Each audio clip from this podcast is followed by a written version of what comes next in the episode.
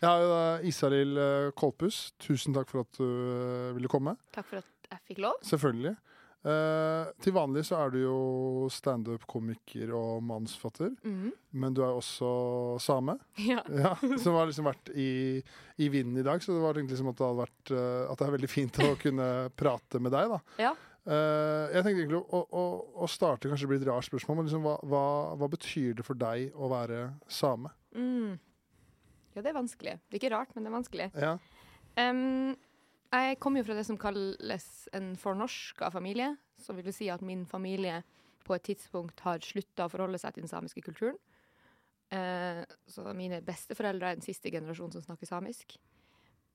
Og så snakker ikke mine foreldre, ingen tanter, ingen onkler snakker samisk. Og så er jeg den første igjen, da, som snakker samisk.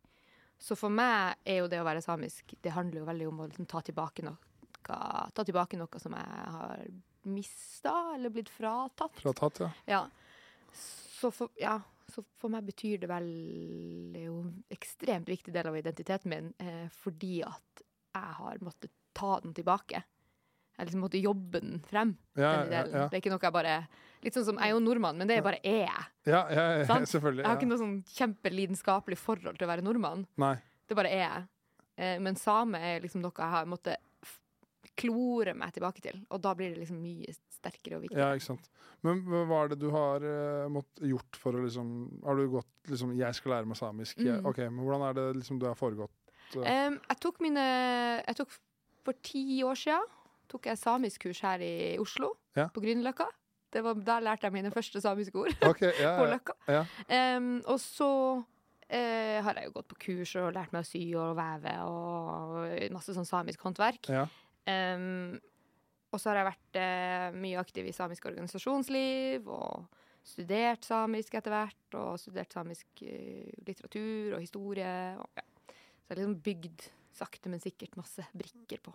Ja, altså, ja, Ja. Men det, har du inntrykk av at det, er, liksom er, eh, er noe med en ny generasjon med samer? At det er veldig opptatt av at, mm, å ta tilbake Ja, altså kulturarven? da? ja det, det tror jeg, fordi eh, min foreldregenerasjon vokste nok opp litt for tett på fornorskninga. At liksom Fornorskninga ble jo på en måte formelt ikke avslutta før på 80-tallet. Eh, så mine foreldre levde jo eh, eh, under fornorskninga på mange måter. Og jeg har venner som har foreldre som faktisk bodde på internat. Ja, sant? Sant? Fordi at internatene var åpne ganske mye lenger enn Man tror det er et 1800-tallsfenomen, men Ja. det var internater til langt ut på 19, altså 1950-60-tallet. Ja.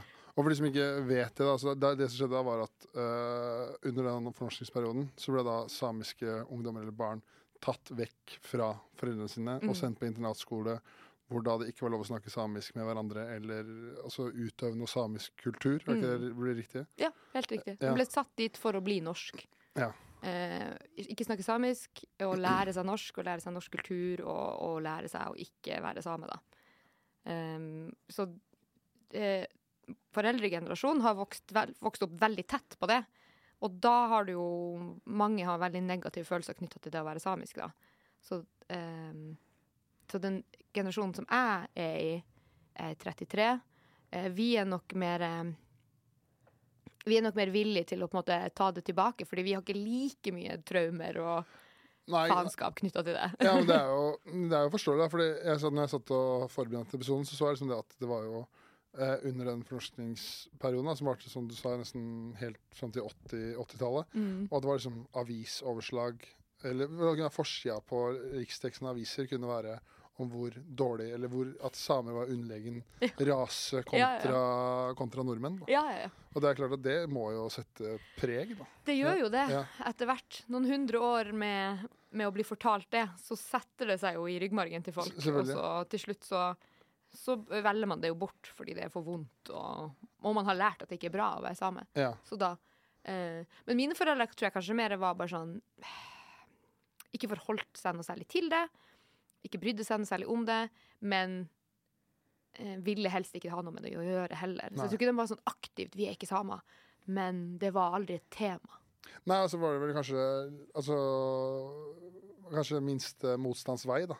Absolutt. At man ikke orka, eller ikke ønska all det, det Ja. som det førte med seg, og hvis man sa gikk offentlig ut og var same, da. Ja. Og det er jo det med en gang du velger å ta tilbake identiteten din, så går du inn i en kamp.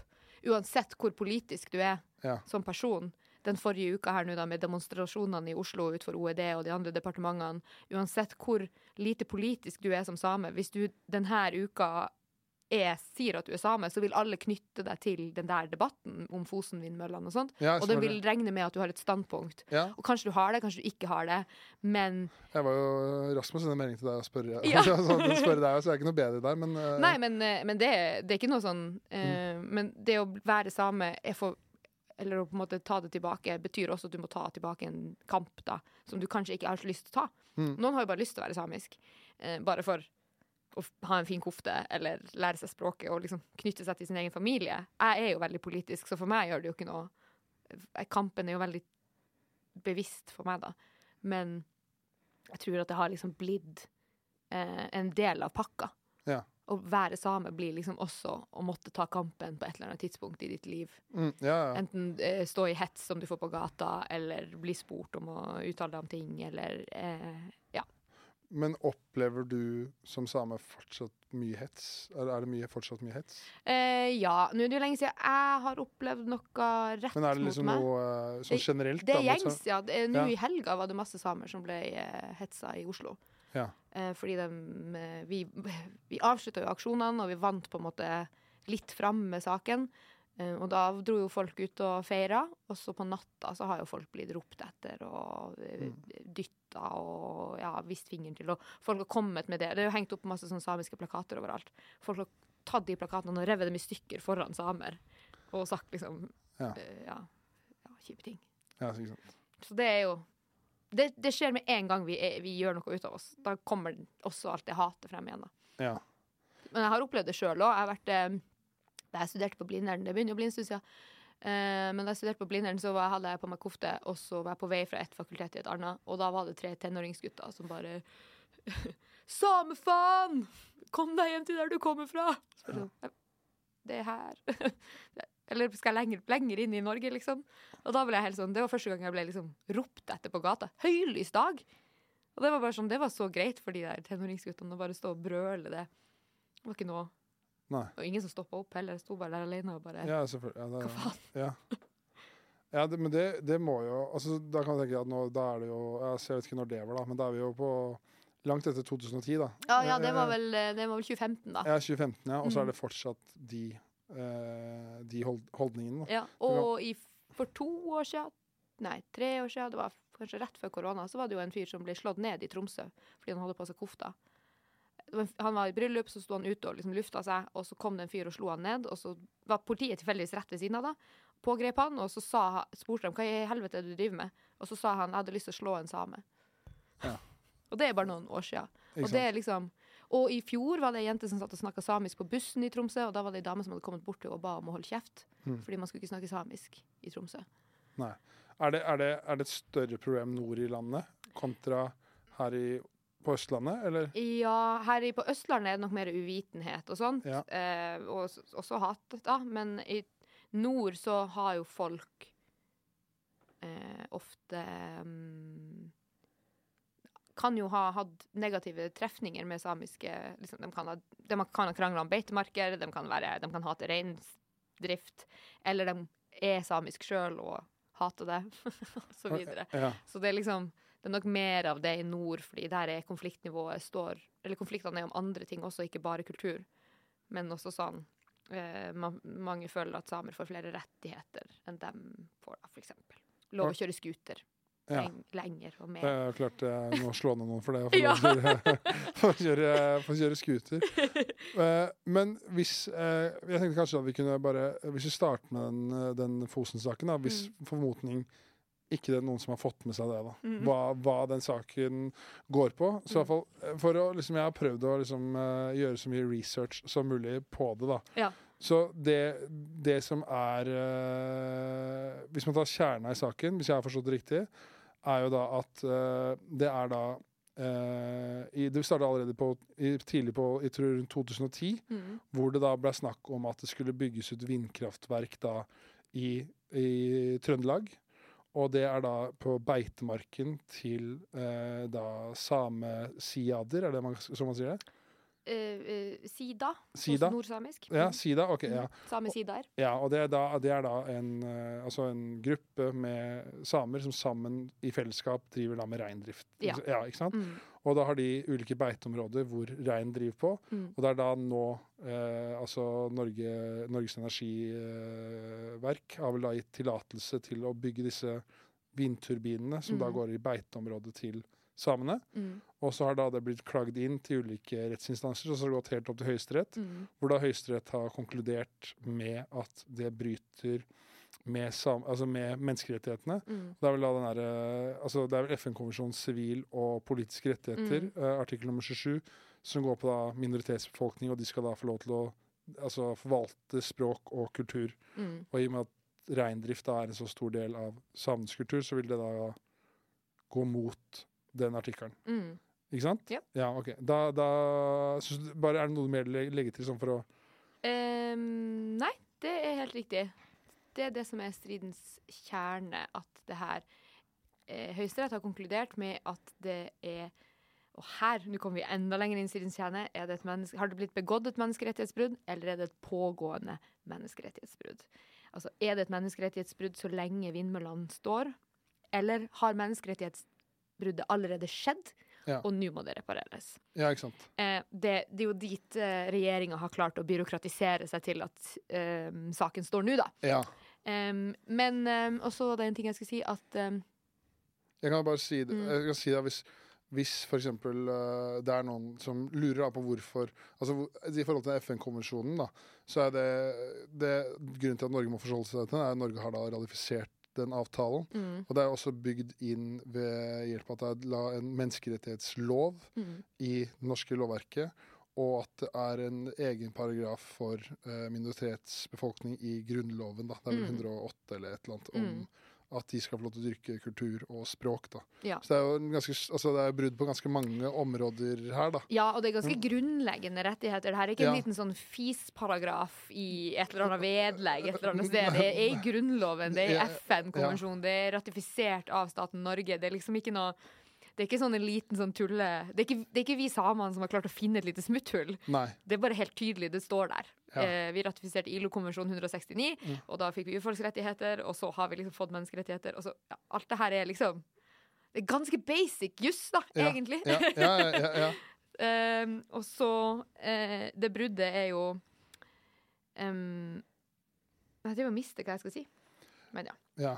Men sånn forhold til eh, fra, eh, fra samenes perspektiv, da. Mm. Eh, nå gikk vi gjennom kjernen på saken, men veldig sånn enkelt da, hvorfor blir det demonstrert ved Olje- og oljedepartementet? da? Eh, ja, fordi eh, de her konsesjonene, altså bygning, tillatelsen til å bygge eh, vindmøllene på Fosen, ble jo gitt av eh, i sin tid Olje- og energidepartementet. Mm. Og den ble gitt liksom preemptively. De ga lov til å bygge før de visste om de fikk lov til å bygge. Så det det, valget regjeringa tok, var å si sånn nei, men eh, det, vi kommer sikkert til å få lov, for vi kommer sikkert til å finne en løsning, så bare begynn å bygge dere.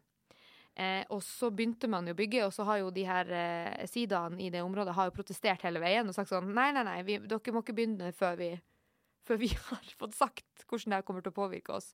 Og så er det litt sånn noe byråkrati der på et tidspunkt har de sagt ja, men de har sagt ja til deler, og så har Ja. I bunn og grunn så har Olje- og energidepartementet bygd før de fikk lov, og så har Høyesterett eh, konkludert med Oi, oi sant, det var ikke lov. Verken nå eller da. Og så eh, gikk det da 500 dager fra dommen falt. Eh, og 500 dager der det ikke skjedde noen ting fra regjeringens hold. De kontakta ikke engang reindriftsutøverne på Fosen. Em, og på dag 500 så var det en gruppe på 13 samer, eh, mange av dem ungdommer, som gikk inn i Olje- og energidepartementet, som jo har ansvaret for denne saken, og ansvar for å følge opp dommen. Eh, de gikk inn i lobbyen på Energidepartementet, som er en åpen dør.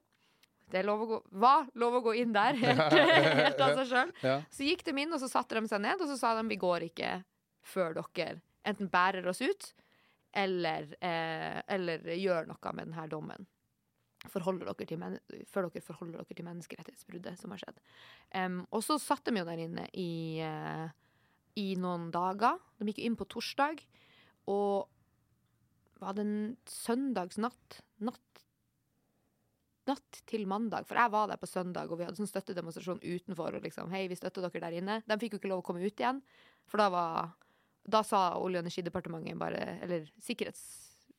SSD? DSS? De som eh, står for sikkerheten, de sa hvis dere går ut, så slipper dere ingen inn igjen. Vi sperrer denne døra. Så dere kan komme ut når dere vil, men dere får ikke gå inn igjen. Eh, og eh, det som effektivt skjedde da, var jo at de sulta, de her ungdommene på innsida. De gikk 28 timer uten mat fordi at eh, Olje- og energidepartementet ikke ville slippe noen inn døra. Så de,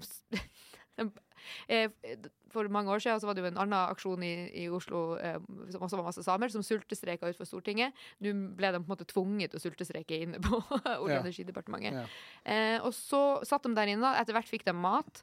Eh, og så, eh, natt til mandag, så kom politiet og bærte demonstrantene ut av eh, Olje- og energidepartementet.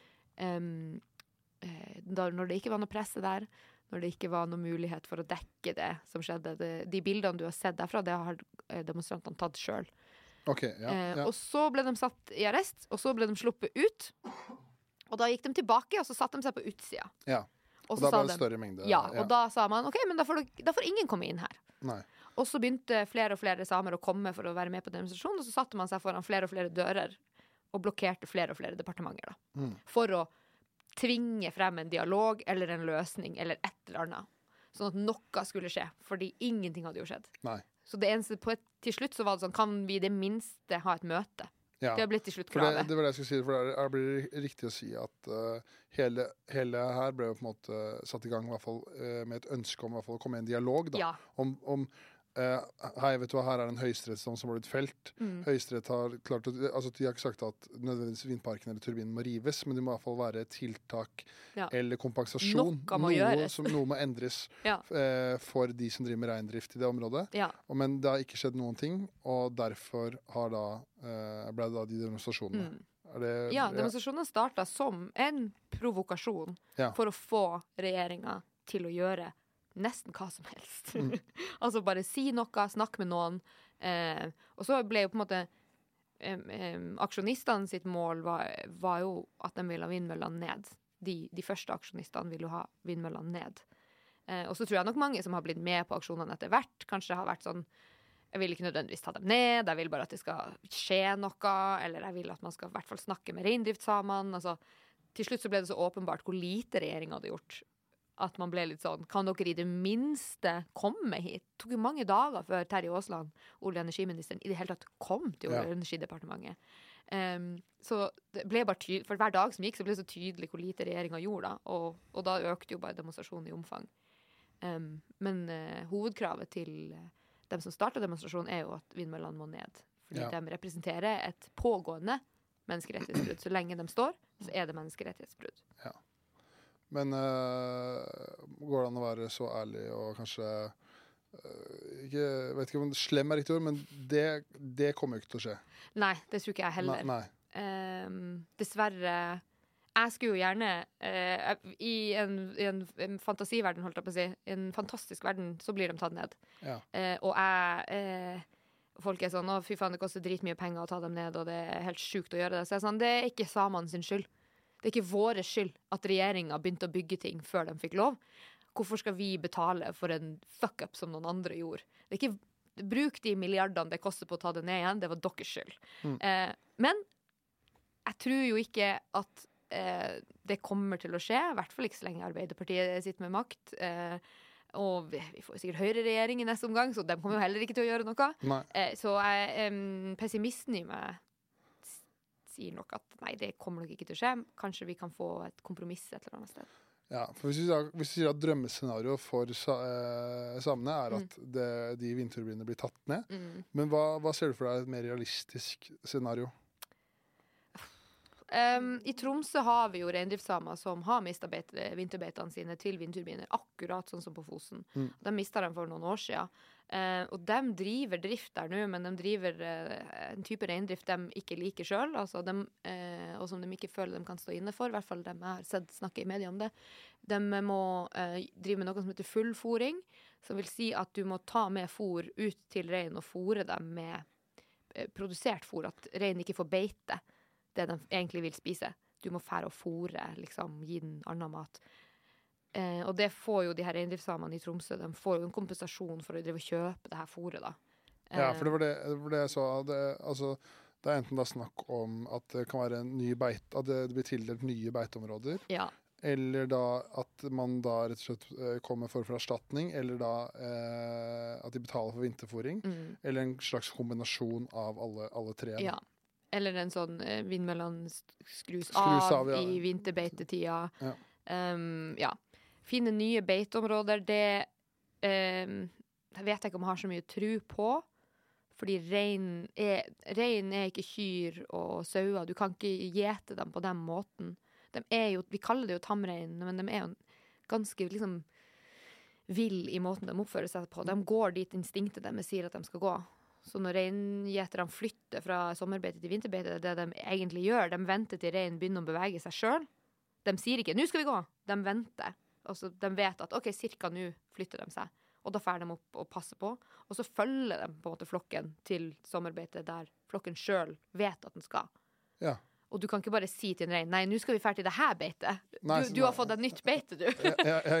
Det er instinkt. Du kan ikke liksom endre instinktet i en rein, i i en drift som har vært i hundrevis av år. sant? Det er jo på en måte Det ligger jo i, i dem som dyr. Ja, biologisk. Ja. Ja. ikke sant? Mm. De trekker dit de vet at de skal. Ja. Men eh, hvis det er noen som ikke vet det, kanskje, hva er det, hva er det de, hvorf, altså, hvorfor ødelegger de vindturbinene eh, for vinterfòringen for rein, f.eks.? Mm. Um, det her lærte jeg for ikke så lenge siden. Det er, um, når man snakker om reindrift, så kan man snakke om, man kan snakke om enkeltrein. Mm. Og noen enkeltrein, eh, f.eks. reinbukker, altså hannrein, de er ofte ikke så redd for støy og bevegelse og sånne der ting. Eh, mens simler, altså horein, eh, og kalver, de er veldig var på bevegelser og sånt. Eh, sånn at en eh, reinbukker kan fort finne på å være i vindturbinland, liksom.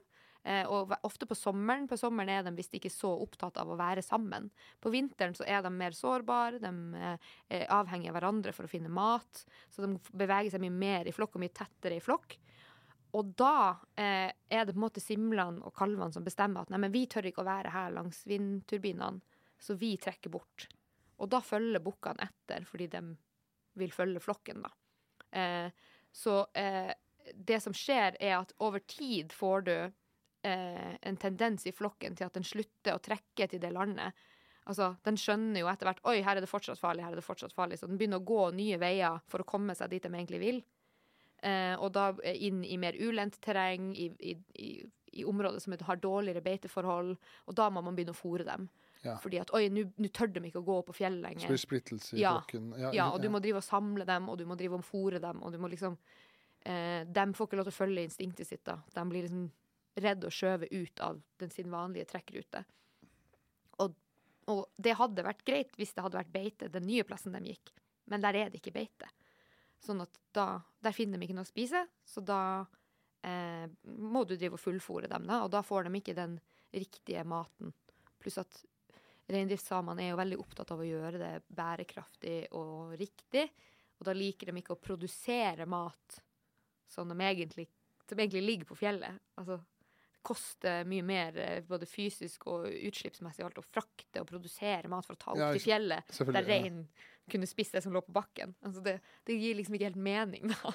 Og det er ikke så bærekraftig heller, for da er du avhengig av subsidier, og du liksom du blir liksom mye mindre selvstendig som reindriftsutøver, da. Ja. Og så tror jeg mange at mange på en måte, uh, Det er veldig lett å sitte innafor Ringen 3 og ha en mening, mening om det her. Uh, I hvert fall hvis du ikke kjenner til er same selv eller kjenner til det. For det kanskje ikke mange skjønner, er jo at det her er jo uh, I hvert fall ikke virker som alle skjønner, er jo det er faktisk Det som faktisk skjer, da, er jo at det blir det samme som at eh, du jobber på arbeidsplass, og så kommer noen ned og bygger noe som gjør at ikke du får gjort jobben din, og arbeidsplassen din blir borte. Mm. Eh, og man tenker liksom ikke på hvilke konsekvenser det har for folk, da. Nei, og eh, en ting som også er veldig viktig med reindrifta, er Vi sier jo ofte at det er en kulturbærer. Eh, jeg er jo jeg er sjøl ikke fra reindrift. Eh, vi hadde rein før, men vi har det ikke nå lenger. Um, men det som Det var noen som sa Jeg leste på Facebook noen reindriftssamer som sa at å, å sammenligne reindrift med vanlig kjøttproduksjon, som f.eks. å ha kyr, det blir som å sammenligne å få barn med babyproduksjon. Du får jo ikke barn bare for å produsere masse babyer. Nei. Du bygger jo en familie, du har en kultur, du, liksom, du viderefører dine verdier. Det er liksom en familie som vokser. Det er jo ikke sånn, Skal vi få en unge sånn at vi har bidratt med en unge? Liksom. nei, nei, nei, Du får jo unge for, for noe annet. For å få barnetrygd, liksom. Ja, sant, ja. Ja. Det er jo ikke det det er. Sånn at Reindrifta er jo kjøttproduksjon, ja, men det er også liksom videreformidling av familien sin kultur og bedrift og eh, ja, og arbeidsplass. da. Ja. Det er jo helt sjukt hvis du driver en sportsbutikk, et eller annet og så kommer staten og bare sånn Nå skal vi bruke det her til noe annet. Mm. Så vi skal sette en vindmølle her. Du må bare finne på noe annet å gjøre. Her er litt penger. Færre å gjøre noe annet. Og så bare, Jeg har bygd opp denne butikken i 50 år, og den har vært i min familie. Min bestefar starta denne butikken, og nå får ikke jeg lov til å drive med den lenger. Nei, du må du kan, Vi kan gi et annet lokale, men dårligere plass. Ja. Og det å, å gjøre det systematisk med masse folk i, gjennom hundrevis av år, da til slutt så blir det jo liksom blir, Det blir også mye Handler jo om noe mer enn bare kjøttet man produserer, da. Ikke sant. Uh, men sånn forhold til uh, Klarer du på en måte å forklare hvorfor rein er så viktig for hvilken kulturarv det er for samene? Eh, kanskje. Um, vi, er jo det eneste folket her som driver med det.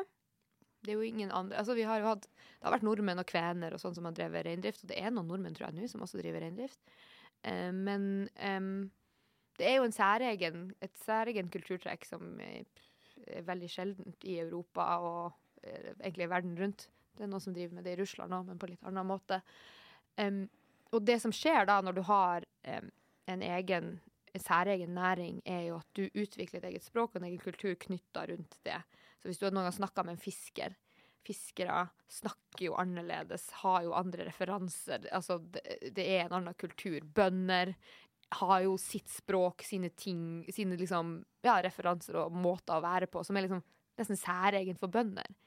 Eh, mens reindrifta er kanskje det enda tydeligere, fordi at det samiske språket på mange måter er knytta opp mot, mot reindrift og det å leve i naturen. da.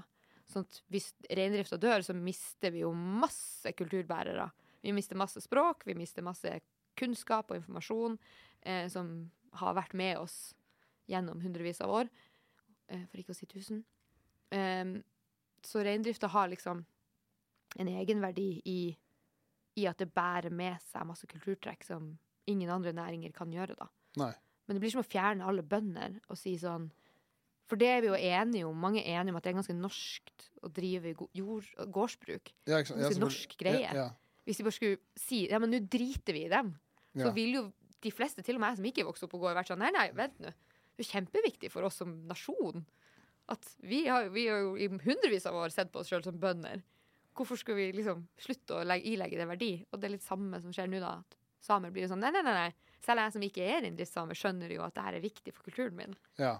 Er det, er det, tror du også det er, du var litt inne på det, med sånn forhold til det historiske perspektivet, at det er veldig mange som har livnæra, seg, livnæra seg på rein Mm. over så lang periode, så det blir en del av identiteten deres. da. Mm, Og, absolutt. og d- ved å fjerne det, så altså det er, som du sier, det blir som å rive bort en del av en viktig del av kulturen. Mm. Blir det riktig? Ja, for det er jo så mye mer enn en arbeidsplass. ja. ikke sant? Ja. Så det er liksom um, Jeg vet ikke. eh, Det er jo masse folk som uh, kommer fra en lang eh, linje lærere, eller alle i familien er lege, eller et eller annet sånt. der, Og da får man jo en egen sånn Ja, men min, min familie er det. Ja. Det er vi. Og så, Jeg tror kanskje mange reindriftssamer også er sånn, men det, det, det er oss. Vi driver med det. Og så er det noen som kommer til staten og sier men nå får du ikke lov lenger. Nei. Fordi jeg så også Altså, eh, det virker som det er ganske stor enighet, men det var liksom også at eh, at det er noen samer som er uenig i selve demonstrasjonen mm. også. I forhold til det, der, eh, det var Nordkalotten eh, Folket. folket. Mm. Og Torfinn Johansen, han som er leder for Er det det han heter? Ja, det kan godt være. Jeg tror det er det Jo, Torfinn Johansen. Og hans motargument, da, kan du si, var at uh, det var veldig lett for Altså, de som bor f.eks. i Finn, altså, Finnmark, da, at de eh, i forhold til eh, de vindturbinene og sånn, at det er viktig for driften av altså selve fylket, da, altså Mm. den landsdelen. Og at det skaper mer arbeidsplasser og gjør at det er lettere for folk å flytte, flytte til dit Mm. som gjør at de som allerede bor der, klarer å livnære seg, drive bedrift, drive Mm. business. Altså, eh, hvordan ser du på den Jeg syns jo det er, er på mange måter legitimt. Ja. Uh, fordi at det er jo ikke å legge skjul på at Finnmark er et ganske fraflytta område. Og det er jo fordi at det er litt det er få muligheter der. Det er vanskelig å bo der. Det er praktisk vanskelig å bo der. Det går jo ikke fly, og de som går, er svinedyr. Ikke Og- jernbane. Nei, og det er ikke jernbane, Nei. og det er jo veldig lite kollektivtilbud i det hele tatt. Hvis du skal ta bussen fra Kirkenes til Tana, som tar tre timer å kjøre, så tror jeg du bruker liksom seks timer på å ta, ta bussen, liksom. Fordi Ja. at ja, det, er ikke, det er ikke bygd ut for at folk skal bo der. Um, så jeg syns det er helt eh, legitimt å, være, å stille seg spørsmålet ja, men hva skal vi leve av, hvordan skal vi få folk til å bo her. Mm. Um, det er jeg for så vidt liksom ikke imot. Uh, men det som skjer når du gjør den avveininga, er jo at du trekker økonomi inn i eh, menneskerettighetsperspektiv Altså, vi snakker egentlig om menneskerettigheter, og så trekker vi økonomi inn i det. Og da har, mener jeg da vi har begått et, liksom et feilsteg i debatten, fordi at eh, menneskerettigheter eh, og vern av minoriteter, det finnes jo for å beskytte oss mot storkapitalen og de store interessene. Det er derfor vi har dem, fordi at hvis Eh, hvis vi skal veie kapitalen opp mot minoritetens interesser, så vil jo kapitalen alltid vinne. Altså, selvfølgelig vil alltid industrien, pengene, arbeidsplassene vinne mot oss som sier sånn Hei, jeg vil bare snakke språket mitt. Altså, det er veldig lett å velge oss bort, da. Fordi at tjener ikke så mye penger på oss, og vi genererer lite arbeidsplasser som folk. um, samtidig som jeg syns det er legitimt å stille seg spørsmålet hva skal vi gjøre med Finnmark, så mener jeg at eh, det er nesten en helt irrelevant debatt i denne Fosen-saken og menneskerettighetsdebatten. Mm. At jeg syns det er helt feil å trekke det inn nå, fordi at det er ikke det vi diskuterer. Vi diskuterer et folks rett til å utøve kultur. Ja, det påvirker hvor vi kan bygge vindmøller, men det må vi ta. Vi må ta det en annen gang. Vi kan ikke ta det nå. Nei. Ja. For det blir jo også litt sånn hvis man f.eks. for eksempel sier ja, men det er eh, Hvis man skal begynne å trekke penger inn i det kontra Ja. menneske, menneskerettigheter, da, så altså, da kan man jo alltid komme til et punkt hvor det blir så mye penger. Ok, men da nå må vi si ja. Ja, Så enten, så enten må man kanskje ta et standpunkt om at vi forholder oss til menneskerettighetene. Det Ja. spiller ingen rolle hvor mye penger de vindturbinene eh, tjener til kommunen, Mm. eller, ja, eller det. Eh, Eller så må man jo da Ja, men i dri- drit, drit, Ja. drit i det, da. Det er, som, det er nesten litt som der Louis C.K.-biten om, eh, om abort.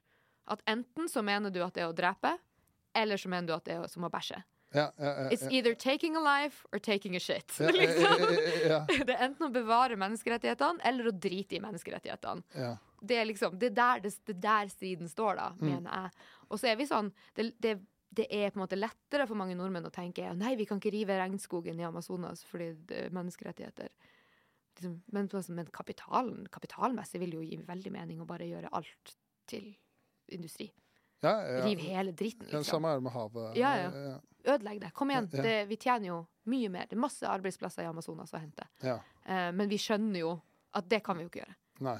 Fordi vi ser, vi har liksom blitt lært at å, Amazonas, det har verdi. Mm. Å, det her er det så mye det er så mye kunnskap og uoppdaga ting, og liksom det er jungelen, og der bor det urfolk som aldri har møtt med andre mennesker, liksom.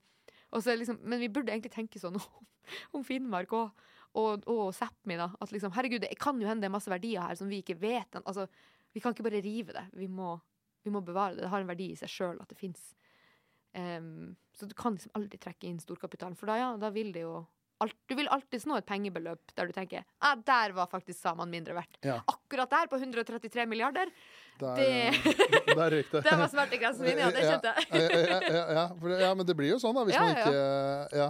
Så det er jo litt uh... Det er mange som sier sånn, «Nå må ikke gjøre- vi, vi må passe på så vi ikke gjør Fosen til en prinsippsak. Unnskyld meg, hvis menneskerettigheter ikke er prinsipper det her, det, er jo en prinsippsak. Det er jo hele poenget med menneskerettigheter. er at Vi har et prinsipp om at mennesker har verdi. Ja. Det er prinsippet. Og det i forhold til, altså, så kan man jo, hvis man ser veldig kynisk på det, så kan man også snakke om ok, hvor grovt menneskerettighetsbrudd er det. Eh, men det blir jo akkurat samme debatt igjen. Mm. Ja. fordi hvis man, ok, men hvis man firer litt på det, da, Ja. så til slutt så er man jo på et punkt hvor da trenger vi ikke menneskerettigheter i det hele tatt. Nei. Man nå har vi bare fire på krava, fire på krava. Og det er jo en grunn til at eh, det er da eh, ratifisert av Norge FN-konvensjonen og er en del av Grunnloven. Det er Mm. jo fordi måten urfolk har blitt behandlet på, over, ja, ikke bare i Norge, men hele verden. Mm. Så man har tenkt at her trengs det et vern. Vi har dritt oss ut i et par hundre år nå. Kanskje vi skal liksom gjøre noe for å regulere hvordan vi behandler urfolk. Mm. Så det, ja, det, det er akkurat det. At liksom, du kan ikke begynne å finne nyanser i det. For da har du tapt igjen. Da er liksom, ja, men da, da, da leter du etter måter å bryte menneskerettighetene på. Ja. For jeg så nå, nå har jo både Jonas Gahr Støre og Terje Aasland har nå kommet og sagt, sagt unnskyld. da. Og Ja. vært, eh, jeg så Jonas Gahr Støre har vært i hyppig dialog med Sametinget Mm. og den, henne, den presidenten der. Mm. Eh, men det at de sier unnskyld, hjelper jo kanskje ikke så mye bare det. Men hva, hva, hva er det som må liksom skje nå for at eh, man skal komme seg videre og liksom Mm. bli ferdig med den saken her, da? Jeg tror nok aldri vi blir ferdig. Jeg tror det gikk for lang tid. Jeg tror den, den tvilen og den mistroen som nå er liksom planta i veldig mange av oss samer, den tror jeg ikke Den tror ikke jeg denne regjeringa noensinne kommer til å bli kvitt. Nei. Terje Aasland kommer aldri, aldri, aldri til å få høy status status hos samene igjen. Og Støre tror jeg har mista mange samiske stemmer. Um, eh, jeg tror nok at um, det eneste rette av regjeringa nå å gjøre, er å faktisk gjøre noe. Eh, de har jo, klarte jo endelig etter to, 508 dager å si nå skal vi snakke med reindriftssamene på Fosen. Som jeg var sånn Hæ? Har dere ikke gjort det? Nei, nei, nei. Og dere har ikke snakka med dem engang? Og de bare ja, det er viktig at deres kunnskap kommer inn i Deres kunnskap må brukes som grunnlag for bare, Hva er det dere har brukt 508 da? Har dere ikke ringt dem? nei. Nei, det hadde de ikke. Og aldri snakka med dem. Så det, det er veldig lite som skal til nå, da, for at vi som samer, som folk føler at noe skjer. Ja. Så lenge, og så må de være åpne om prosessen, og så må de vise oss hva de driver med. Eh, sånn når du regner ut et mattestykke, så må du vise hvordan du har tenkt. Du Ja, for det liksom- var jo også eh, noe som var eh, problematisk, eh, problematisk i saken her. Hvis jeg skjønte riktig at eh, man hadde kommet fram i Høyesterett til at den erstatningen som var tenkt på tre millioner per, eh, per reindrifter, da, mm. eh, ikke var eh, nok. Nei. Eh, og så høres jo tre millioner ut som det er veldig mye penger, men eh, problemstillinga da blir vel da på en måte at eh, tre millioner da skal gå til å omstille en hel næring. altså Det er ganske mye som går inn i å drive reindrift, som du har skjønt det, i forhold Ja. til utstyr, gjerder, kapasitet, altså mat og sånn. Og at det blei da altfor lite. Men det virker ikke som det har kommet til enighet hva beløp Altså hvilke beløp det skal være. Nei, og de har jo, de har jo fabla lenge om det kunnskapsgrunnlaget, Ja. eh, regjeringa. At de trengte et bedre kunnskapsgrunnlag. Det sa de jo lenge, før de i det hele tatt ville anerkjenne at det var et menneskerettighetsbrudd. Så sa de jo vi må, vi må ha mer kunnskap. Vi må ha mer kunnskap. Um, og så klarte de jo å si ja, OK, det er et menneskerettighetsbrudd, eh, men vi trenger fortsatt mer kunnskap. Eh, og nå tror jeg de har snudd til at ja, men nå vil vi ha kunnskap om hvordan vi skal bøte på det her. da. Hvordan Mm. vi skal gjøre det godt igjen. Ja. Og både reindriftssamene og regjeringa mener jo at en del av uh, dommen i Høyesterett er at de ikke har tatt hensyn til alle de riktige tingene. Så det er fortsatt noen plasser det er stridigheter om sånn pengene, da. ja. Hvor mye, ofte til hva, og over hvor lang tid. og For det er noe som gjør at uh, i hvert fall utfallet av saken blir så vanskelig, er jo at uh, det er da uh, st Altså staten i seg selv, da, i Olje- og energidepartementet, er jo da ikke en hovedpart i saken. Så jeg tror partene i saken er, er da de er det da riktig å si de, eh, de reindriftssamene. mm. Så er det da mot Fosen Vind Mm. AS. Og, og som er delvis eid av Statkraft. ja, ikke sant? Ja, som igjen er da Som er staten. Ikke sant? Og så er da eh, staten i form av Olje- og energidepartementet er da eh, partshjelper da, Mm. ved hjelp av Riksadvokaten. Ja. Og når du ikke da er en direkte part i saken, så eh, i hvert fall sånn eh, ifølge dommen, da, så har de ikke, de har ikke gitt noe klar beskjed om hva eh, staten må gjøre. Nei. Så det er, det er derfor det, det er det smutthullet de har, som Ja. gjør at de har gått 500 dager, da, som gjør at de tenker ja, her skjer det jo ikke noe, da trenger vi ikke gjøre en dritt Nei, for det står her. ingenting Det, står ingenting her, uh, ingenting med her, bare at her må det gjøre noe, noen endringer. Ja. Det står ikke hva, det står ikke når, Nei. ikke av hvem. Eh, liksom. eh, men, og det er jo litt av problemet med en høyesterettsdom, er jo at eh, Høyesterett kan bare uttale seg om det de ble bedt om å uttale seg om. Ja. Eh, og da eh, saken kom opp til Høyesterett, så var jo det Fosen-samene ville ha klarhet i, var var det lov å sette opp de vindmøllene. Er det her et menneskerettighetsbrudd? Altså, har våre rettigheter blitt eh, krenka Ja. av det? Og det er det Høyesterett har svart på. ja, ikke noe mer. Ikke noe mer. Og de svarer ikke på noe mer, for de, de gjør ikke mer enn de må. Og de kan jo på en måte ikke begynne å fable om andre ting, fordi de må jo gjøre det de, det saken handler om. Um, og det er jo det uh, regjeringa har brukt som, um, som grunnlag for å ikke gjøre noe, da. Nei. Er jo at uh, det ikke står 'dere må gjøre det her nå'. Det står bare 'det her var et menneskerettighetsbrudd'. Eller det står 'det er et menneskerettighetsbrudd'. Det er veldig viktig for oss samene. da. Det omtales i presens. Ja. Det foregår nå. Mm. Um, der er jo regjeringa uenig med oss uh, samer som er på aksjonistene, da, at uh, regjeringa mener at det allerede har skjedd. Vi mener det alt fortsatt foregår. ja, ikke sant. Ja. Mm. ja, men det blir vel altså så lenge, så lenge det er en Altså det blir jo et pågående brudd når disse samene ikke får drevet med reindriften. Ja, det er det. Så det er jo det dommen sier, at hvis de ikke får lov til å drive reindrift, så er det et brudd. Ja. Og det får de jo ikke. Så da er det et brudd. Nei. Så lenge de ikke får.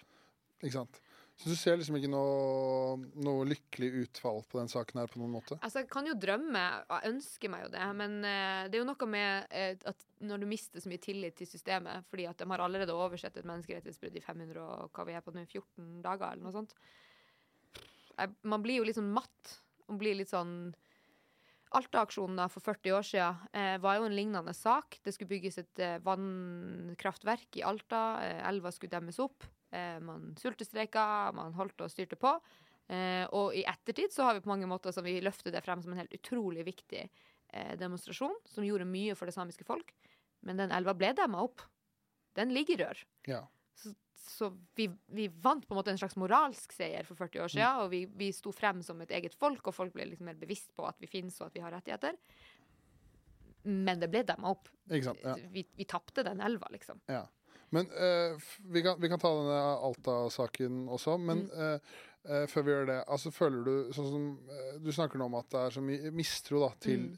regjeringen. Det var egentlig det jeg skulle spørre om forhold til. Tror du på en måte det var en en ny generasjon med samer nå som på en måte hadde blanke ark og et åpent sinn til den norske regjeringen. Og så nå uh, er det da enda et, en uh, hendelse som gjør at man får mistillit til regjeringen som man har sett gjennom hele historien. Ja, jeg tror kanskje Det jeg kjente veldig på på torsdag, da gråt jeg masse, for det var da eh, de demonstrantene ble fengsla. De ble ikke bare flytta. Frem til da hadde de bare drevet flytta dem bort fra de dørene for at folk skulle komme seg inn. Eh, men så begynte de å fengsle dem og sette dem på glattcelle. Eh, og da skjedde det noe, jeg tror i hodene til mange samer, som var en slags der fikk vi det bekrefta. Liksom. For da plutselig brukte de Det føltes mer voldelig og mer maktdemonstrasjon ut å fengsle tenåringer. Ja. Um, og da føltes det som en bekreftelse på alt vi på en måte har tenkt De om fordommene staten. Ja, dere har hatt sånn at staten egentlig helst ikke vil ha oss her. Og at vi er mer enn de, de har ikke lyst til å høre på oss. De har lyst til at vi skal bli borte. De har lyst til at liksom eh, Og jeg tror nok at jeg har nok blitt mer om, Jo eldre jeg blir, jo mer kritisk blir jeg til staten. Jo oftere kaller jeg Norge for en kolonistat. Jeg kaller eh, statsministeren for kolonist. liksom. Jo, jo eldre jeg blir, jo mer opptatt blir jeg av at, dem, at vi har blitt fratatt ikke bare kultur, men land og områder og steder, liksom. Mm. Um, så jeg tror nok at um, mange samer har en iboende mistenkelighet overfor staten alltid. Ja. Um, men at det her var en slags sånn skikkelig vekker da, for mange unge. At eh, de overgrepene skjer i nåtid. Det skjer ikke for 40 år siden i Alta. Det skjer liksom nå. Og det tror jeg tippa vektskåla for mange unge samer som er yngre enn meg. At de ble litt sånn Å, herregud, det er ikke Det er ikke historiebøkene. Liksom. De skrives nå, dem. Og, og det har ikke endra seg noe særlig. De historiene mamma og pappa fortalte, det, det er de samme historiene som jeg har nå. Så jeg tror det at den iboende mistenksomheten ble bekrefta, egentlig. Ja. Men er det noe med vi kan, vi kan jo gå til Jeg tenkte det hadde vært interessant å prate den der, eh, den Alta-saken også. Men er, det Mm. noe, er det noe mer vi kan legge til om Fosen-saken som ikke er sagt, liksom, eh, som du føler bør eh, sies, eller hva som bør skje Mm. framover, eller eh, noe i den duren?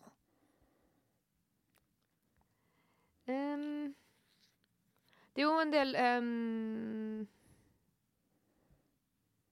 Nei, jeg vet ikke. Man kan jo gå veldig teknisk inn i det og være sånn Jeg lærte det i dag fordi statssekretæren på et eller annet tidspunkt eh, uttalte at eh, ja, men det er jævla vanskelig det her, for 40% av Norges landareal er beiteareal.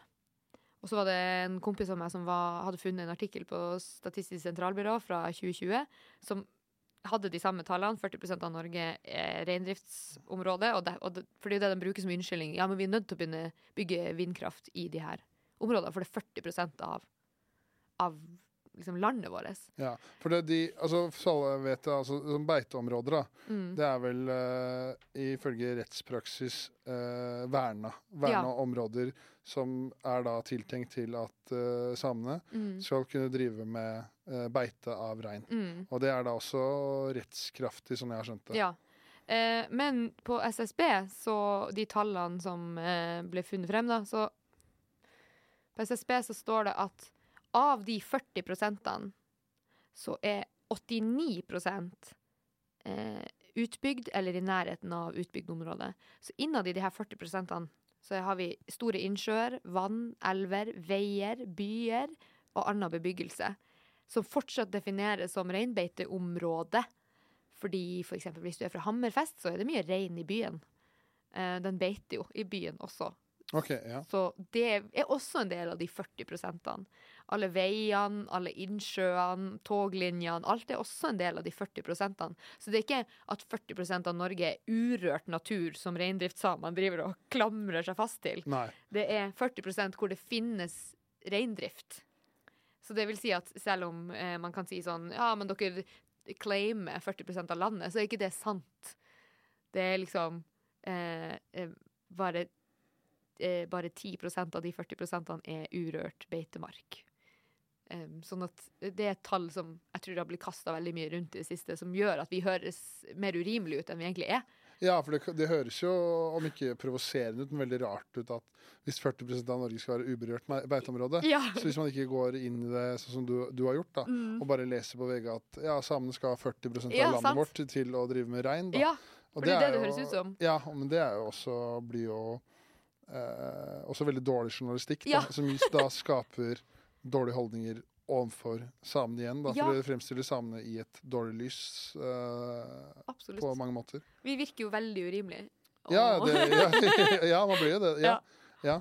Så, Så det er ikke helt- er ikke hør på de tallene. Det er bra, bra, bra du sa, da. Ja.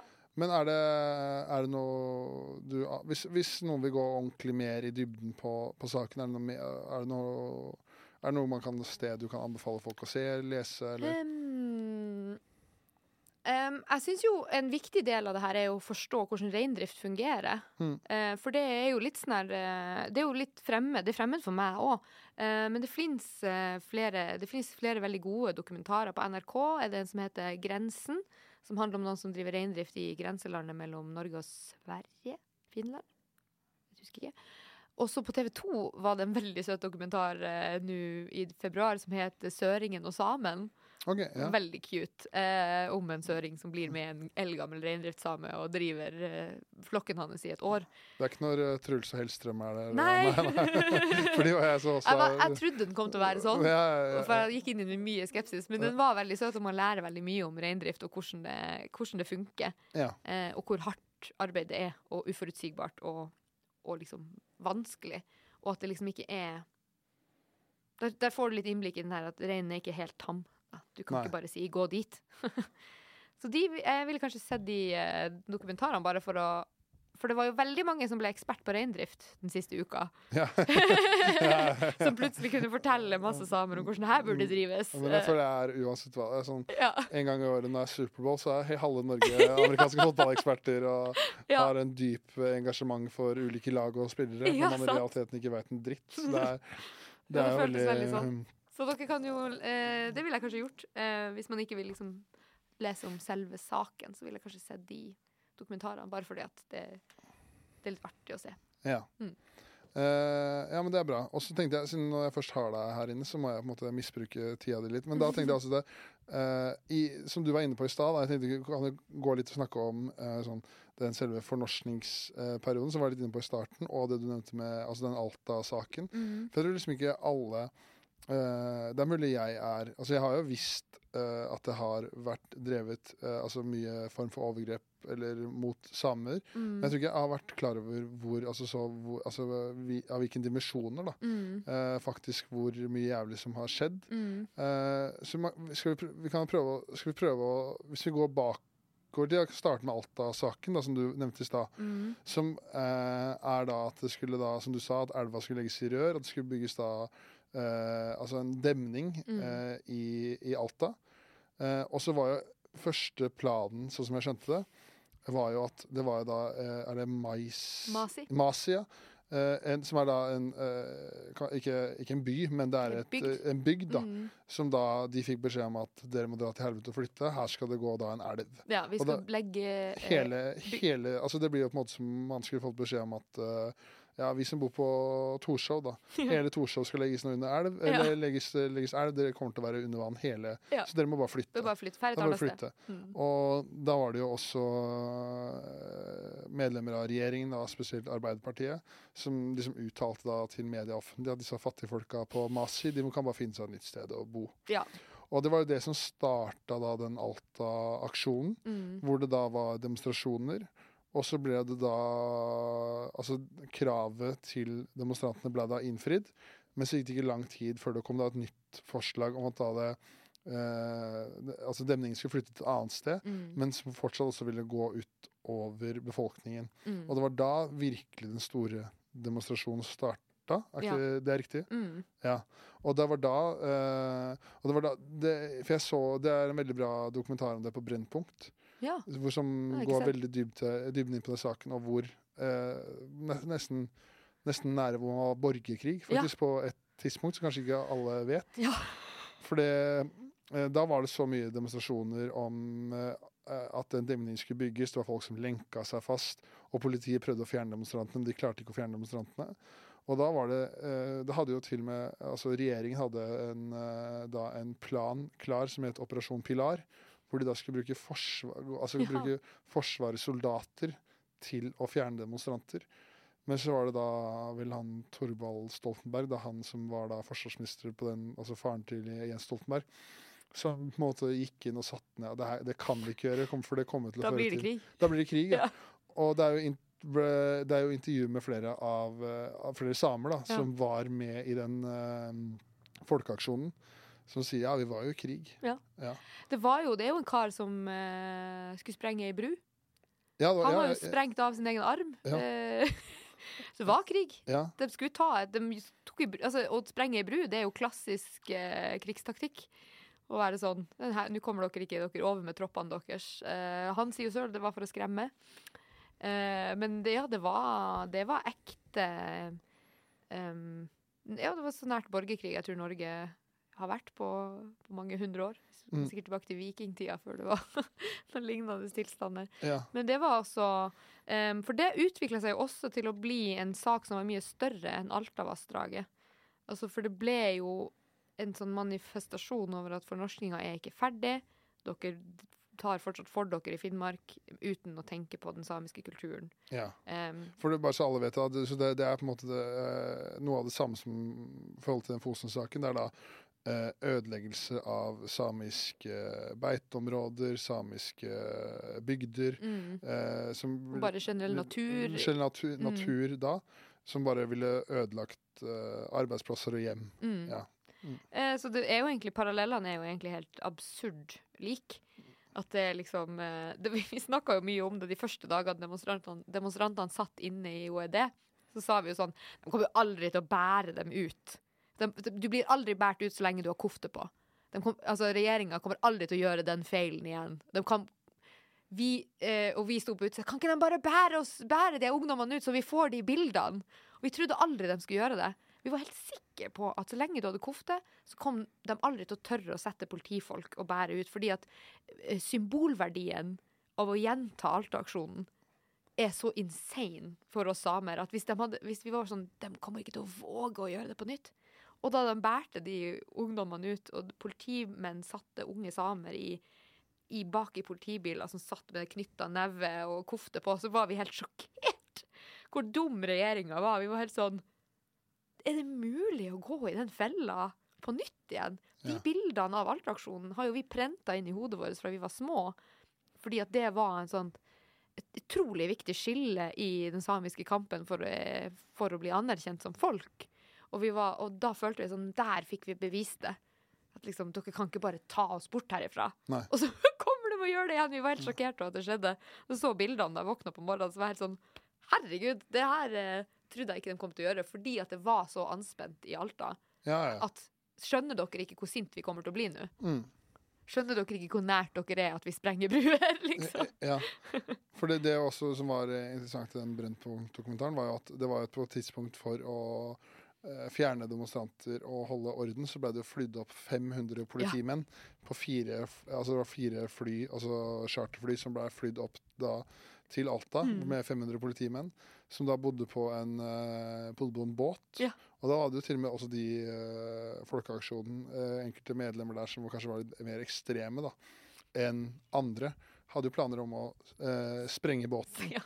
Eh, men det var, det, var ikke sånn, det var ikke noe mål om å drepe noe bare så det er klart, det var ikke noe mål om å drepe eller skade noe. Det var da snakk om å uh, sprenge den delen av båten som pumpa ut vann, da, som gjorde at uh, båten sank på en fredelig måte, i hermetegn. Da. Ja, det, og det her skal også sies at demonstrantene er ganske delt på Altså folkeaksjonfolkene er ganske delt på eh, er noen som er tydelige på at de ikke var på den eh, sprengesida, da. Ja, men det, det er jo han For det, det var jo en eh, For, for det, det de var redd for også, var jo at det var, skulle ødelegge den Altså fokuset på Altavassdraget. At det var fokus på at uh, samer var uh, altså, At vi var eh, militante og ville ha egen stat. Det var liksom det som lå og ulma under Ja, der. for det ble jo sånne utskrivninger fra den folkeaksjonen. For det, er jo den, det var jo noe som ble kalt Samegeriljaen. Ja. Som da kidn... Eller de avtalte, det var avtalte møte med to journalister på et bestemt sted. Og så ble da de to journalistene kidnappa og ført til et annet sted hvor det da var Jeg må se den Ja, det er kjempeinteressant. Og da eh, fikk lov til å gjøre intervjuet med de identiteten til samegerillaen skulle være skjult. Ja. Og så ble det trykka i et blad, jeg husker ikke navnet på det bladet, men at hvis ikke det skjer noe nå, hvis ikke vi blir hørt på våre krav, så kommer det til å skje voldelige aksjoner. Ja. Og da var jo da eh, Det var forløperen til at de politimennene ble flytt, eh, flydd opp dit. For da begynte jo sikkerhetstjenesten og sånn å følge med og Ja. ha informanter og spo, eller spaningsarbeid og sånn.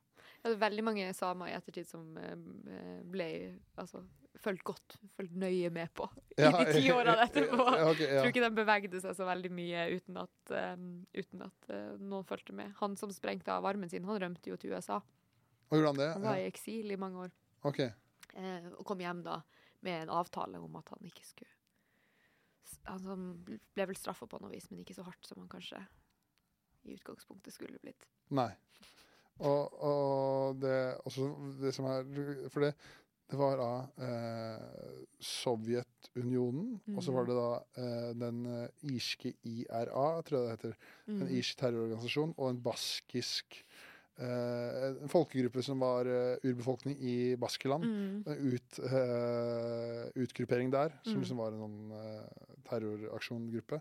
Alle de eh, tilbød jo hjelp til folkeaksjonen fordi de hadde ønske om at det skulle bli voldelig. Ja, det ville og- destabilisere ja, ja, i- ikke sant? Uh, men da var jo også i hvert fall de lederne av folkeaksjonen veldig klare på at vi ønsker ikke, vi ønsker ikke at det skal Nei. gå sånn.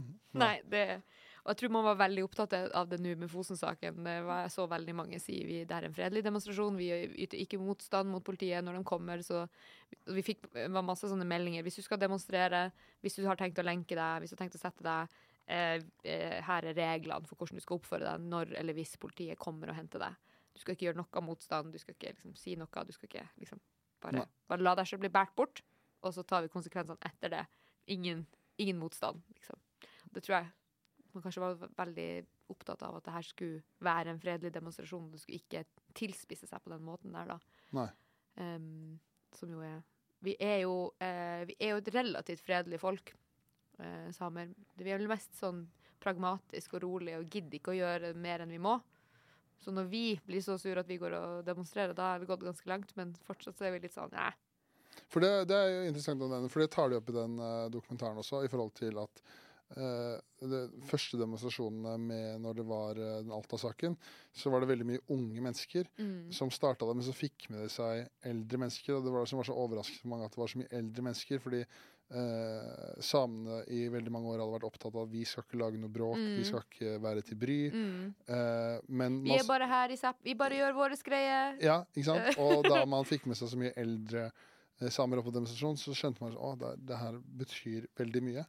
Da har man klart å vekke noe eh, i, i, i oss, fordi vi, vi venter veldig lenge.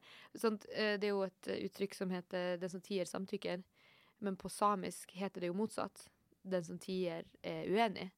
Så hvis du Ah. er helt stille når du er samisk, så er du egentlig kjempeuenig. Hvis Ja. jeg hadde sittet her i et møte, og jeg ikke hadde sagt noe Nå er jo ikke jeg, jeg er ikke sånn type same, da, men hvis jeg var mer Kautokeino-same, da, så, og jeg ikke sa noe som helst, så hadde det egentlig vært jeg som på en måte uttrykte at jeg er ikke enig i det vi ja, diskuterer nå, eller den, det vi har kommet frem til, det er jeg ikke enig i. Da er jeg bare helt stille. Så når du sier Isel, hva tenker du? Sier ingenting. Og det betyr «Nei, Nå er jeg så sint at jeg ikke engang gidder å kommentere det som skjer her. Ja, ok, eh, eh, ja. Sånn at, eh, at samer faktisk går ut og demonstrerer. Det er jo egentlig det motsatte av det vi eh, eh, Mange har jo gått med kofta si vrengt. At de har vrengt kofta innsida ut. Eller de fleste som har demonstrert denne uka, har jo hatt vrengte kofter. Og det er egentlig sånn vi sier ifra. Vi vrenger kofta. Det er en gammel skikk for å si 'jeg er veldig uenig i det som skjer her nå'. Vi sier det ikke på ord, vi bare vrenger kofta, og så får bare folk tolke det. okay, ja, ja, Så for å demonstrere er egentlig veldig usamisk. ja. Men sånn som eh, di, dine foreldre, da.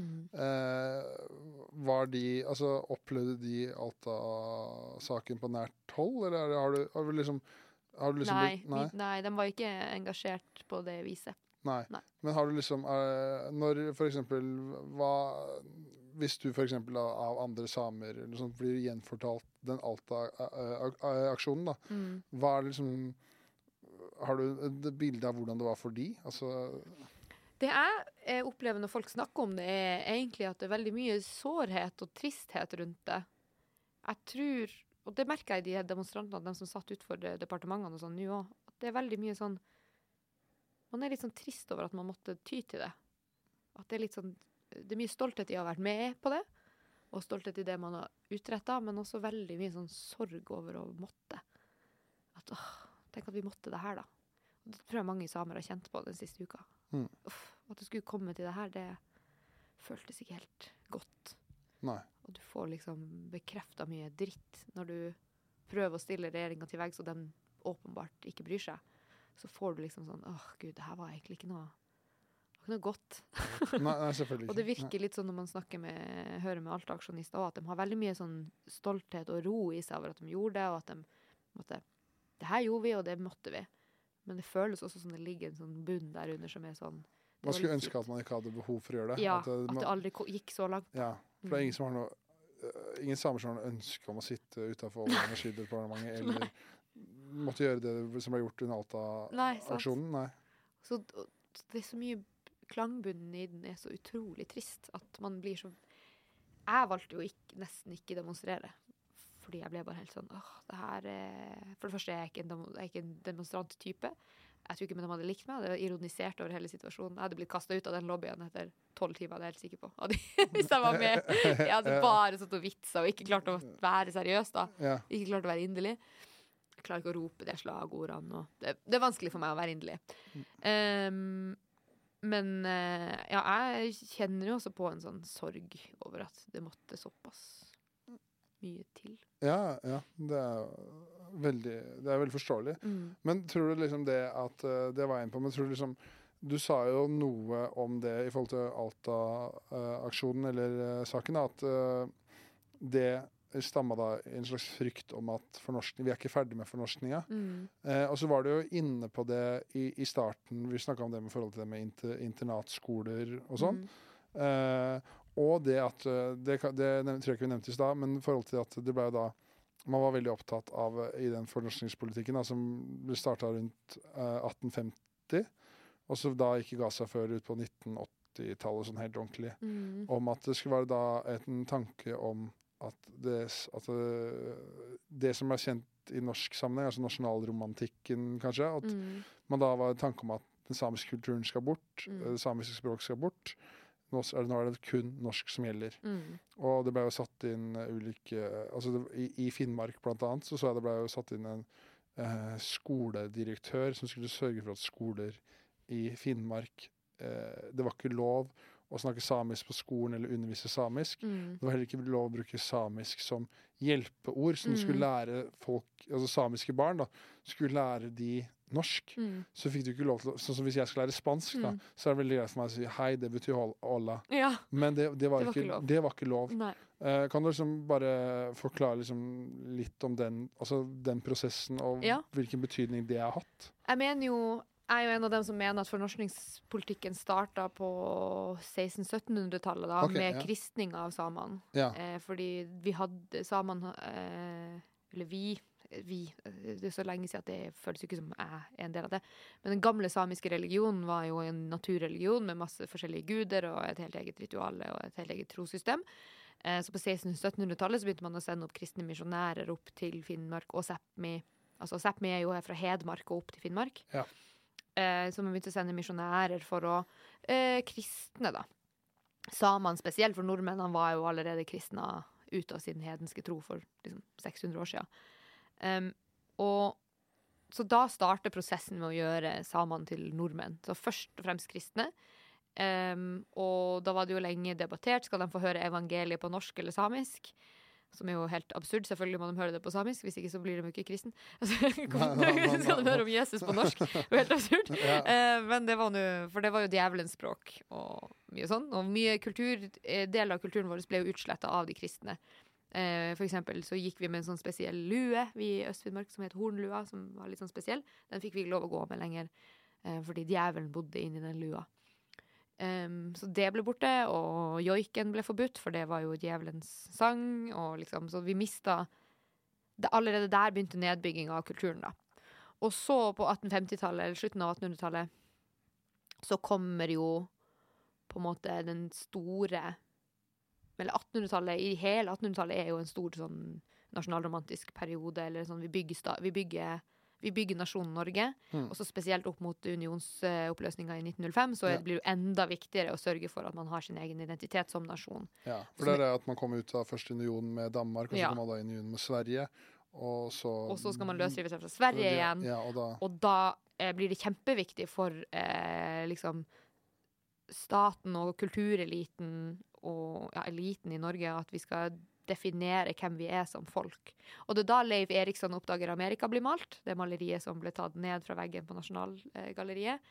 Fordi eh, det ble malt da for at da var det sånn Hei, vi, opp, vi oppdaga også Amerika! At det liksom, nå skulle vi bygge vår nasjonalhistorie. Eh, og da passer ikke samene inn. Så da starter man prosessen med å gjøre samene norsk. Og det veldig, man går veldig systematisk til verks med skoleverket. Eh, man fortsetter den kristne undervisninga. Alle skal konfirmeres, alle skal konfirmeres på norsk, eh, osv.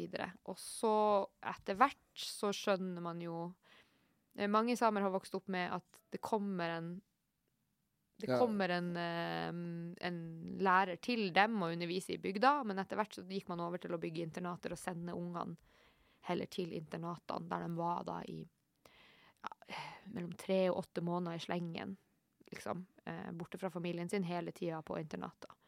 Der det, som vi nevnte tidligere, ikke lov til å snakke norsk, nei, ikke lov til å snakke samisk, eller kvensk, eller finsk, eller et annet språk som skulle finnes i, i området der. Og så em, eh, eh, han, Per Fugelli har jo omtalt det her som barnemishandling i offentlig regi. Ja. Fordi det jo fins vel knapt et barn som kan være, bli tatt fra familien sin og ikke få masse traumer. Nei, men det er jo åp åpenbart når barn i tolvårsperioden som blir tatt bort fra Ja. familien sin og sendt bort. Sendt og noen Og- ganger altså un, utrolig langt unna etter datidens standard. Ja, og det ikke, altså, så er det ikke bare det med at uh, man fikk beskjed om at man snakka feil språk og var mindre verdt, Mm. men man brukte jo også vold for å for å overholde det, Mm. det, de, altså det Norge mente var riktig da, Mm. overfor savnet. Veldig mange ble slått. Eh, veldig mange ble nekta mat. Eller nekta å vaske seg. Altså, det var jo neglect, som man ville kalt det. Eh, det er, vi har heldigvis ikke en sånn historie som Canada har, der de bare drepte alle ungene. Eh, men Så vi har jo blitt utsatt for sånn psykisk terror i, i flere tiår, da. Em, så internatskolene var vel på sin høyde før andre verdenskrig, da. Og, og over inn i 50- og 60-tallet så Ja. var det ganske hyppig brukt. Um, Og når du nevner det, så var det jo også eh, var det vel eh, under andre verdenskrig hvor eh, når Tyskland okkuperte da områder samer eh, ri, altså regjerte, blir kanskje feil ord å si, men som holdt til på, så satte de fyr på alt og brant bort alt, som også fjerna mye av ja, det gjorde de for så vidt med hele Finnmark, da. Ja, ikke sant. Ja. Men det mange av oss Mange av dem var jo samer. Ja. Um, men også eh, en annen ting som også skjer liksom på tidlig 1900-tall, 1920 der omkring, er at man gjør et veldig omfattende rasebiologisk studie av samene og finner ut at vi er dårligere enn nordmenn. Altså vi har lavere intelligens fordi hodeskallen vår har en annen form. Eh, så hun sier at vi var jo lavpanner. ja. Det er Eh. samme teorien som man brukte om svarte i Ja. ja. Akkurat samme. Eh, og i Sverige var man spesielt dyktig på frenologi, som det heter da, altså hodeskallemålinger.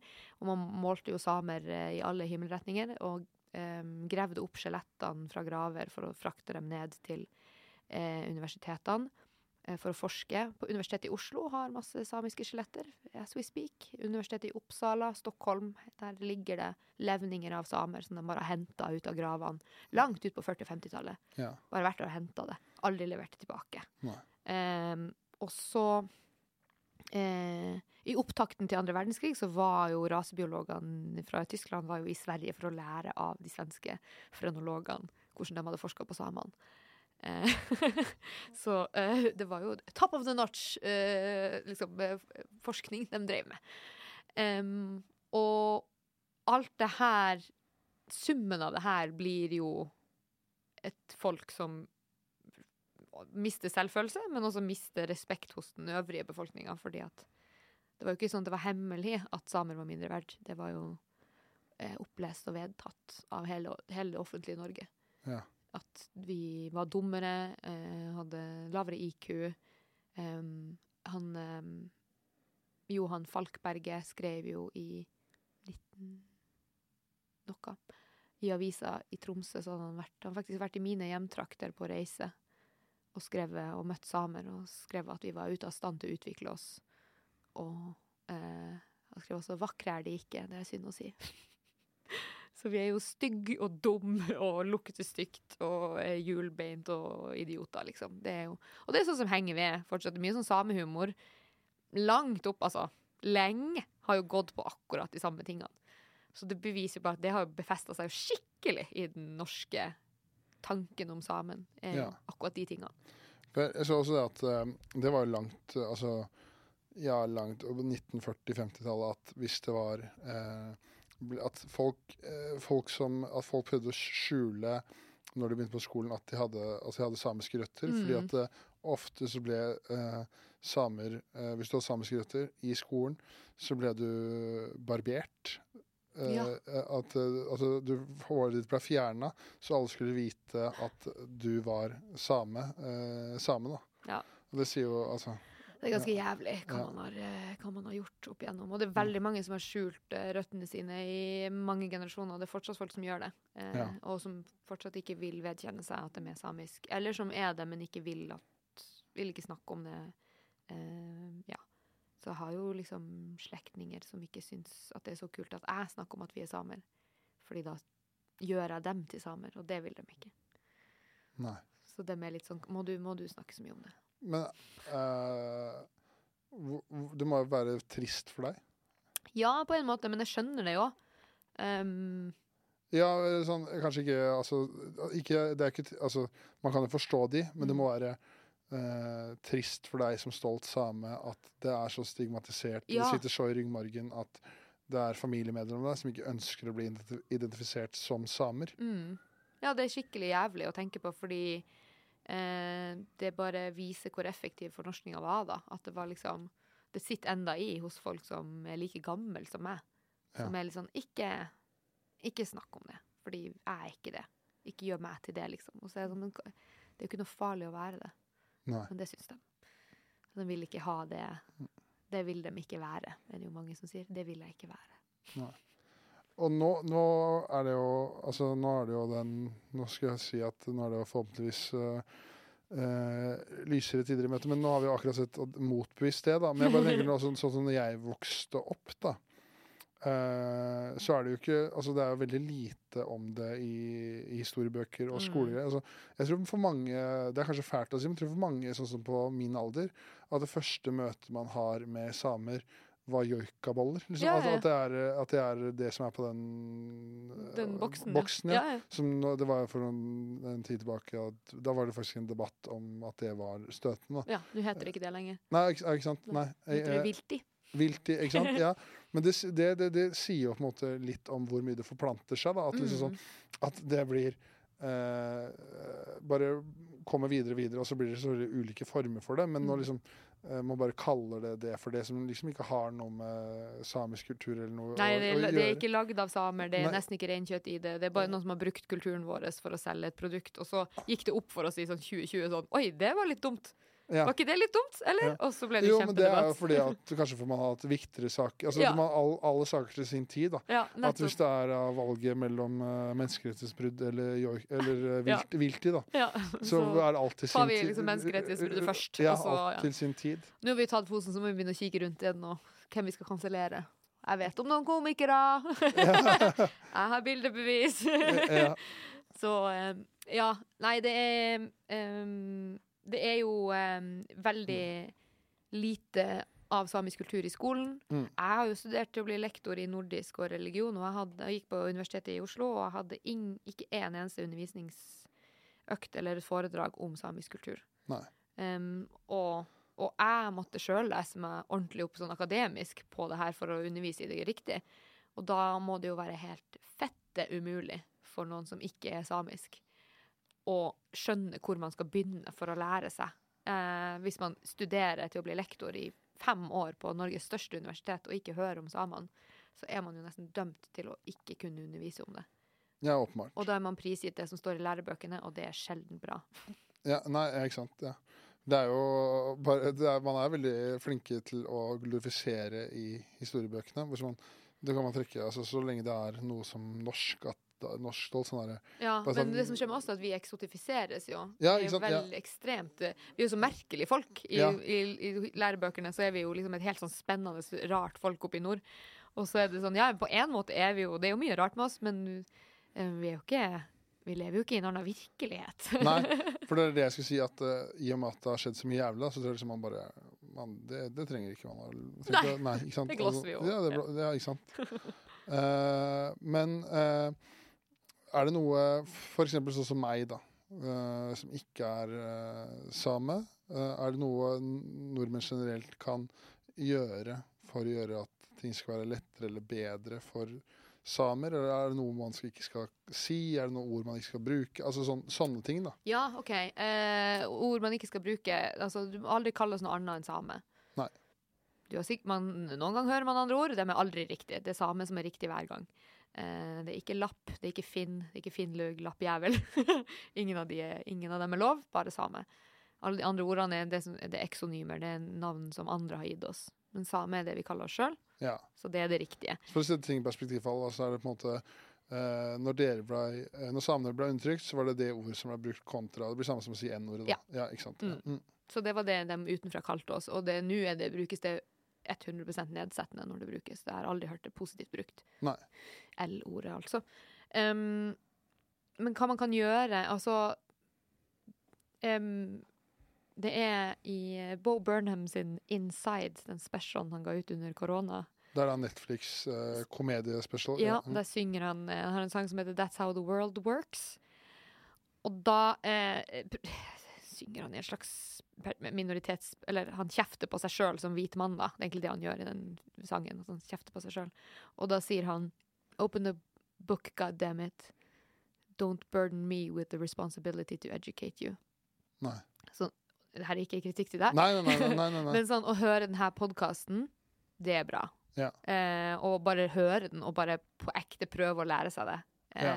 Men ikke neste gang du møter en same i en random situasjon nei, sant, på nei. byen eller på fest eller Mm. eh, wherever, og så skal begynne å liksom, gjøre denne samen til eh, leksikon, da. nei. At det sånn, ikke burden me with the responsibility. Det er ikke mitt ansvar når jeg bare er ute i verden og lærer opp randomme nordmenn om noe som jeg skjønner at de, Jeg skjønner hvorfor de ikke har lært det. De har ikke hatt kjangs. Men jeg er ikke den sjansen. Nei, ikke sant. Nei. Med mindre jeg er offering it freely. Med mindre jeg vil og er i humør. Ja. Men eh, noen ganger kan man jo få sånn Å, kan jeg bare spørre deg noe om reindrift? Og så sier jeg bare nei. Fordi jeg er ute og drikker, eller jeg skal på scenen om to sekunder. Altså, jeg, Nei, jeg gidder ikke å være leksikon nå.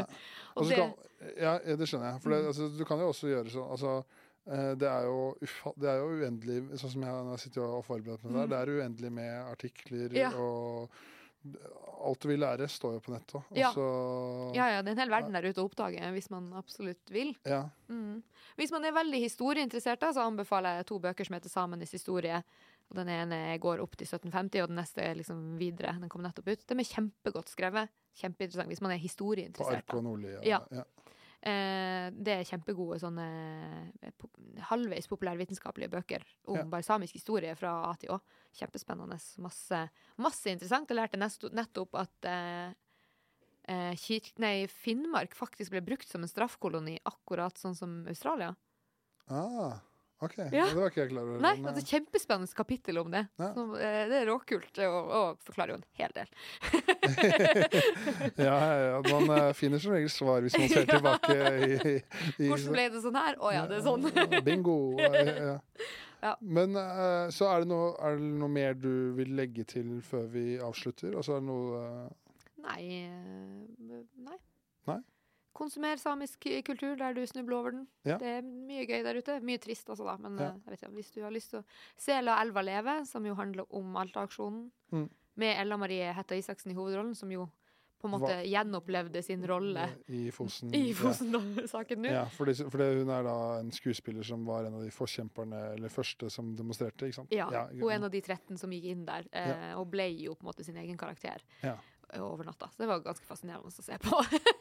ja, det må ha vært rimelig rart for, Ja. rart for henne. Life imitating art som er imitating life. Ja. Og så der eh, anbefaler jeg også å se den der Brennpunkt-dokumentaren. Ja, det var veldig jeg eh, spennende. Men da er det bare å si tusen takk for at du at du gadd å komme og educate meg, meg, meg i dag, da. Det var, Ja, setter jeg veldig pris på. Ja. Det, du, ha, du kan si at du skal ha Du driver med soloshow. ja. Eh, og på standup-soloshowet sitt, det er da når, når, hvor er det, når og hvor? Eh, Nå skal vi ha det litt i nord, så jeg skal ha det på Evenes en dato. Ja, nei, men vi, Bare gå på Instagrammen min og se. Men jeg skal Ja. ha den litt opp i nord nå. Ja, Eh, Det er bare Israel Kolpus. Ja. yes. OK, thank you. Vær så god. OK, ha det. Ha det!